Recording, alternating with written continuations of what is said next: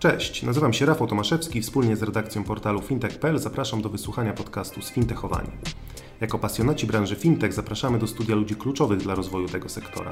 Przeprowadzamy z nim pogłębione rozmowy zarówno o luźnych kwestiach, jak i pogawędki na tematy bardziej skomplikowane.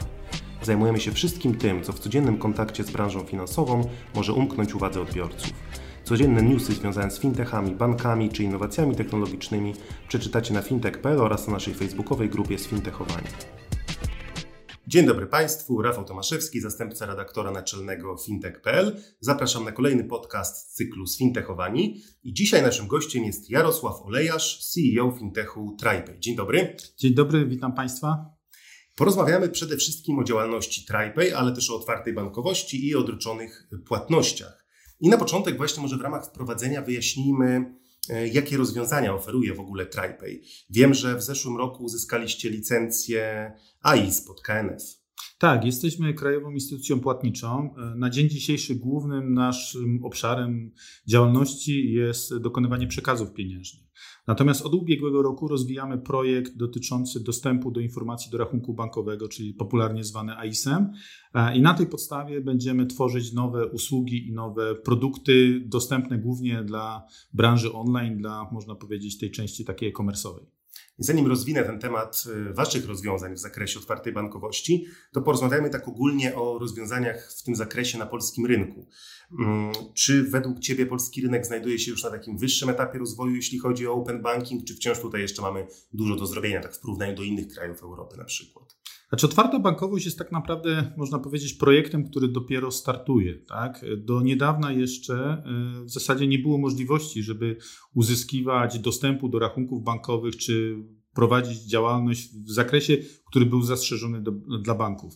E, dzisiaj otwarta bankowość daje no, niesamowite możliwości tworzenia nowych rozwiązań fintechowych i nowych rozwiązań w zakresie usług.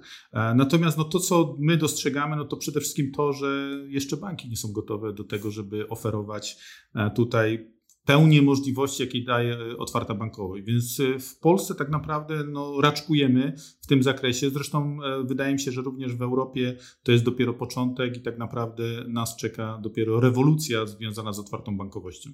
Okej, okay, w takim razie przejdźmy teraz do usług oferowanych przez TriPay. Wspomniałeś na początku, że posiadacie licencję AIS pod KNF, więc zapytam, jak weryfikujecie klienta na podstawie danych z rachunku bankowego? Mhm. No przede wszystkim dostęp do rachunku bankowego umożliwia weryfikację y, i identyfikację klienta. My, y, mając to rozwiązanie, jesteśmy w stanie poprzez bank, poprzez y, logowanie się klienta do jego rachunku bankowego, uzyskać z banku potwierdzenie, że ten klient, którego my będziemy obsługiwać, jest klientem potwierdzonym. Tak? My znamy jego tożsamość, znamy jego dane i jesteśmy w stanie na tej podstawie potwierdzić tutaj tą usługę, którą będziemy realizować dla naszego klienta. No właśnie, jakie to są usługi? Jakie usługi można w ten sposób zaoferować? Komu przydają się w ogóle takie rozwiązania? Znaczy, wydaje się, że jedynym ograniczeniem w zakresie świadczenia usług to jest tylko i wyłącznie nasza wyobraźnia, bo okazuje się, że zakres usług, które można w tym obszarze świadczyć, jest w zasadzie nieograniczony. Na dzień dzisiejszy widzimy, że również firmy, które nawet nie działają w internecie, nie są e-commerce'em, e, zwracają się do nas z zapytaniem, e, ponieważ e, dostrzegają możliwość wykorzystania tego typu usług również u siebie, tak? No bo dzisiaj tak naprawdę można powiedzieć, że co prawda nie każdy oferuje usługi w internecie, ale każdy ma dostęp do internetu, więc tego typu usługi w zakresie weryfikacji tożsamości czy uzyskiwanie danych z rachunku bankowego jakby daje możliwość e, wykorzystania tych usług w bardzo wielu obszarach e, życia codziennego.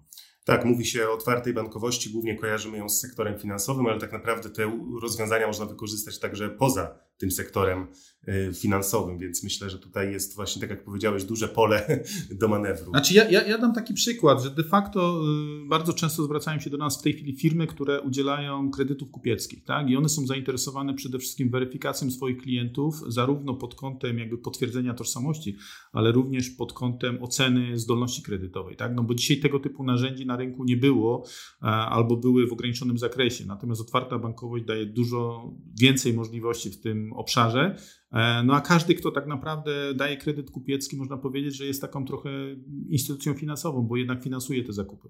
No właśnie, wiem, że obecnie oczekujecie mm, także na wydanie zezwolenia KNF na świadczenie usług inicjowania płatności, czyli mówimy tutaj o tej drugiej usłudze z zakresu otwartej bankowości. I do czego jest Wam potrzebna ta licencja? Jakie rozwiązania zamierzacie wprowadzić na rynek dzięki niej?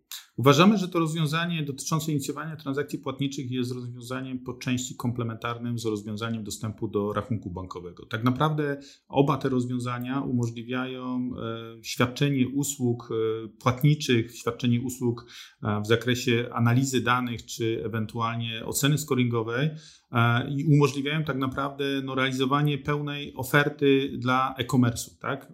Natomiast to, co jest jakby dla nas istotne, to przede wszystkim to, że Usługa ta ma szansę zmienić podejście do dzisiejszych rozumienia i do dzisiejszej praktyki w zakresie realizowania transakcji płatniczych. Dzisiejsze pay by linki działają w, ten sposób, że pieniądze trafiają od klienta do firmy, która realizuje płatność i następnie od tej firmy, która realizuje płatność do sklepu czy do kontrahenta. My ten, dzięki usłudze e, inicjowania transakcji płatniczych jesteśmy w stanie przede wszystkim ten okres skrócić, tak? ponieważ my nie pośredniczymy tutaj e, wprost jakby w przekazywaniu pieniędzy, my tylko organizujemy ten proces. Pieniądze trafiają bezpośrednio od klienta do sklepu, tak? Więc tutaj jakby e, w naszej zdaniem no, to będzie istotna zmiana w ogóle podejścia do tego typu usług e, w zakresie płatności w internecie, ale nie tylko.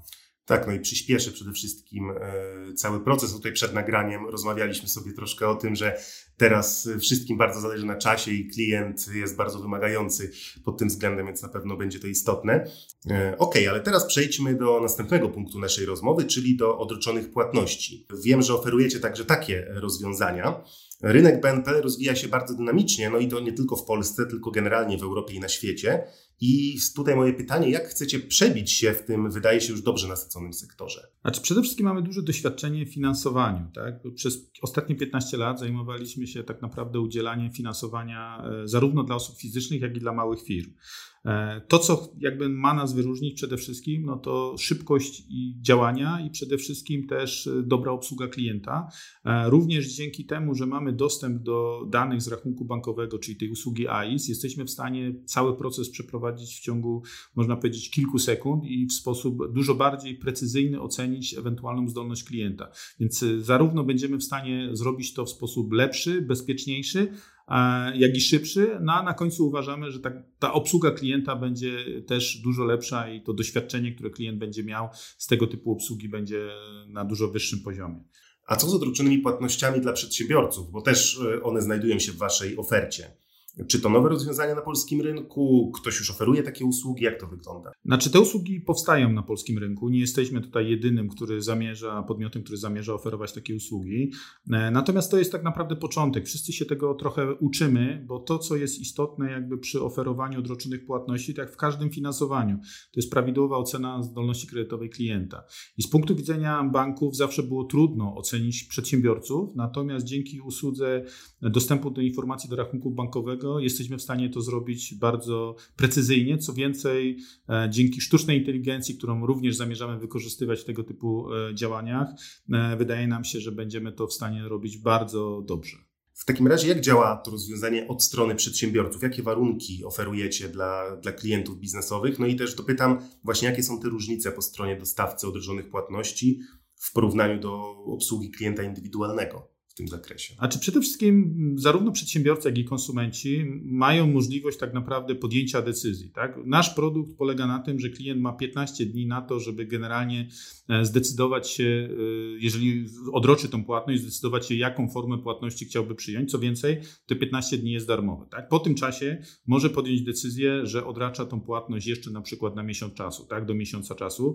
E, tutaj już w związku z odroczeniem będzie musiał ponieść pewnego rodzaju koszty. Natomiast może od razu podjąć decyzję też o rozłożeniu na raty, albo dopiero po odroczeniu podjąć decyzję, w jaki sposób sfinansować sobie. Przedsiębiorcy bardzo często podejmują decyzję o zakupach e, różnego rodzaju produktów, na przykład czy wziąć leasing, czy wziąć kredyt, e, więc my tutaj umożliwiamy im złapanie, można powiedzieć, trochę więcej czasu na podjęcie decyzji, co z jednej strony uelastycznia tak naprawdę ten produkt, a z drugiej strony daje też przedsiębiorcy dodatkową możliwość podjęcia decyzji, czy w tym momencie e, korzystać już z określonego rodzaju finansowania, czy jeszcze się zastanowić, czy ewentualnie zakupić e, to za gotówkę, płacąc przelewem, czy w formie gotówkowej. A jakie są te różnice po stronie dostawcy od różnych płatności, jeśli tutaj mówimy o obsłudze klientów biznesowych i indywidualnych? Czy jak to wygląda? Klient y, biznesowy na pewno jest trudniejszy do oceny z punktu widzenia ewentualnego ryzyka. No przede wszystkim jakby jego działalność wiąże się z tym, że ma dużo więcej różnego rodzaju płatności, dostaje przychody z różnych źródeł. E, konsument jest pod tym względem dużo prostszy do oceny, tak? bo najczęściej to jest jedno źródło dochodu, te wydatki, które ponosi też nie są jakieś bardzo skomplikowane. W przypadku firm, no tutaj tutaj już wymaga to dużo bardziej zaawansowanych metod oceny takiego klienta. Więc od strony dostawcy tego typu płatności na pewno jest to wyzwanie dużo większe, aczkolwiek z drugiej strony można powiedzieć, że e, przedsiębiorcy są bardziej też e, tutaj takim wdzięcznym podmiotem do, do tego typu usług, e, chociażby z punktu widzenia tego, że łatwiej podejmują decyzje, szybciej podejmują decyzje, są w stanie jakby świadomie uznać, czy tego typu produkt jest dla nich wystarczający, czy ewentualnie chcą korzystać z innych produktów. Okej, okay, w takim razie na koniec zapytam Cię o Wasze plany na najbliższą przyszłość. Co chce osiągnąć W, w ciągu kilku najbliższych miesięcy. Jak tutaj y, wyglądają Wasze y, plany? Znaczy przede wszystkim czekamy cały czas na decyzję KNF-u odnośnie licencji na świadczenie usług PIS, natomiast y, no, już przygotowujemy się do tego, bo wierzymy, że taka licencja nam zostanie udzielona.